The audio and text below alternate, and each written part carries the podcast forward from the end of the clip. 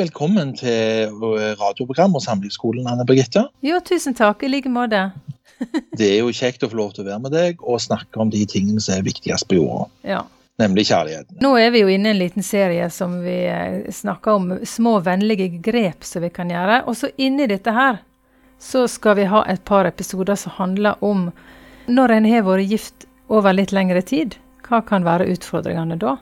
Ja, det som av og til skjer hvis man har fått gleden av å leve lenge sammen, det er at man har gjerne Man har klart det. Men så er det litt sånn at det har sneket seg inn en liten avstand i forholdet. Den kommer jo gjerne av ting som De fem tingene som har blitt liggende som det har vært vanskelig å snakke om. Ting som har blitt nevnt 3000 ganger. De blir liksom hengende i lufta. Det, det, blir rett og slett det vi kaller parallelle liv. Man holder på med litt hver sine ting. Så egentlig er det ikke det at man krangler så mye, men det er det at man har et intimitetsproblem. Det har gått utover fortroligheten, nærheten, eh, vennskapet. Kanskje har det gått utover lidenskapen òg. Kanskje går det utover seksuallivet. Det er vanlige problemer, på en måte. Hvis man ikke har klart å snakke om de tingene som har eh, kommet opp underveis. Har du hørt om dette blant noen, du? Ja. Og så er det gjerne sånn at når eh, de har kanskje hatt uh, ungene som et prosjekt, på en måte Når ungene mm. flytter mm. ut, så sitter de der og så Oi sann, hva ble det med oss? Så da ja. regner vi med at du har noen gode råd å komme med, Egil Riise? Noen tenker jo sånn. Dette oppstår jo helst hos de der det er minst én som tenker vi lar det ligge, eller det er best å ikke snakke om det vanskelige. Det er best å ha fred.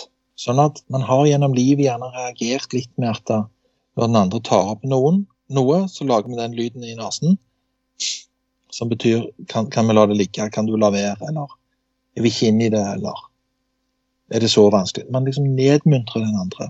Og mye kan gå godt, men så liksom ute i livet der, hvis man har nedmuntra det å lytte til tristhet, eh, uro, redsel, sinne, lengsel etter anerkjennelse. Hvis man ikke har liksom villet høre på de klagene eller lengselen eller behovene der, og skjøver de litt fra seg, da går det utover tilliten i forholdet. For det er liksom sånn da jeg trengte neste, var du der, var du der. Og på små eller store måter så kan man, når man ikke vil lytte eller ikke orker eller ikke tør, og skyve den andre litt, litt skyve vonde følelser fra seg, så har man midlertidig fred. Men man taper gjerne det at den andre skulle kjenne at når du trengte en neste, var jeg der, var jeg der. Så tilpasser man seg i livets løp, lever litt parallelt, sitter litt i hver sin ende av vinkelsofaen. Det er ikke bra. Så det vi trenger å gjøre da, det er at man må prøve å bli venner. Man må fokusere på det helt grunnleggende. Det å være interessert og spørre det å tenke gjennom hva vil vi ha sammen nå når vi er i denne fasen. Hva skal det være gode som, som er mellom oss? Av og til har jo noen en litt spennende og kjekke jobb i den tida, så de opplever liksom spennende og eh, ting med andre. Men det er òg viktig for både lidenskapen og andre ting å kjenne at man opplever noe som er litt sånn spennende i sammen. Man må ta utfordringer, gjøre litt kjekke ting, eh, men òg være opptatt av hverandre. Det er viktig. Gjerne ha en liten gjennomgang av livet. Liksom begynne litt på nytt.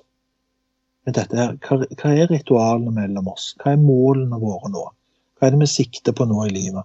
Hva er det vi vil ha resten av seilasen inn her nå til pensjonsalderen eller de årene som er etter der?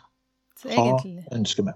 Mm. Ja, Så egentlig bygge vennskap, selv om en har vært venner i 20-30 år, så, så fortsetter en hele tida med det å bli kjent og ja, kjenne hverandre godt.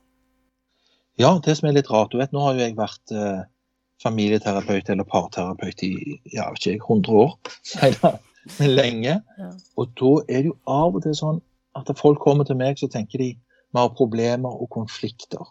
Men noen har altså Hør nå. Noen har jo konflikter fordi de har ting de på en måte krangler om. Mens noen andre de har jo på en måte vanskeligheter fordi de ikke er gode nok venner. Skjønner du? Det, det er bare en slags usikkerhet som springer ut av at uh, vi lever ikke tett nok. Så det å snakke om vanskeligheter, det løser ikke alt alltid. Det er nettopp det å fokusere på hva man har, hva man er for hverandre, til å være interesserte og bygge vennskap. Så blir det bedre. Mm. Og ifølge Gottmann, som har forska lengst på det med, med, parforhold og hva som funker, så er jo en av de viktigste tingene dette her. Når du skal bygge et hus, mm. bygg vennskap. Ja. Bygg vennskap. Det er best for alle ting. Mm. Her må du på en måte investere på en klok måte. Du må ikke liksom ligge på latsida og vente til problemer skal løses. Du har det alltid best når du har øynene på ballen og er fokusert på å elske, er fokusert på å bygge det gode og ivareta den du er glad i. Ingen som kommer med røde lys eller alarmer eller noen ting for at man skal elske. Det er, man, det er en slags indre beslutning. Det er noe man må bestemme seg for å være opptatt av. Da har man et lettere liv og lever lenger. Sånn er det.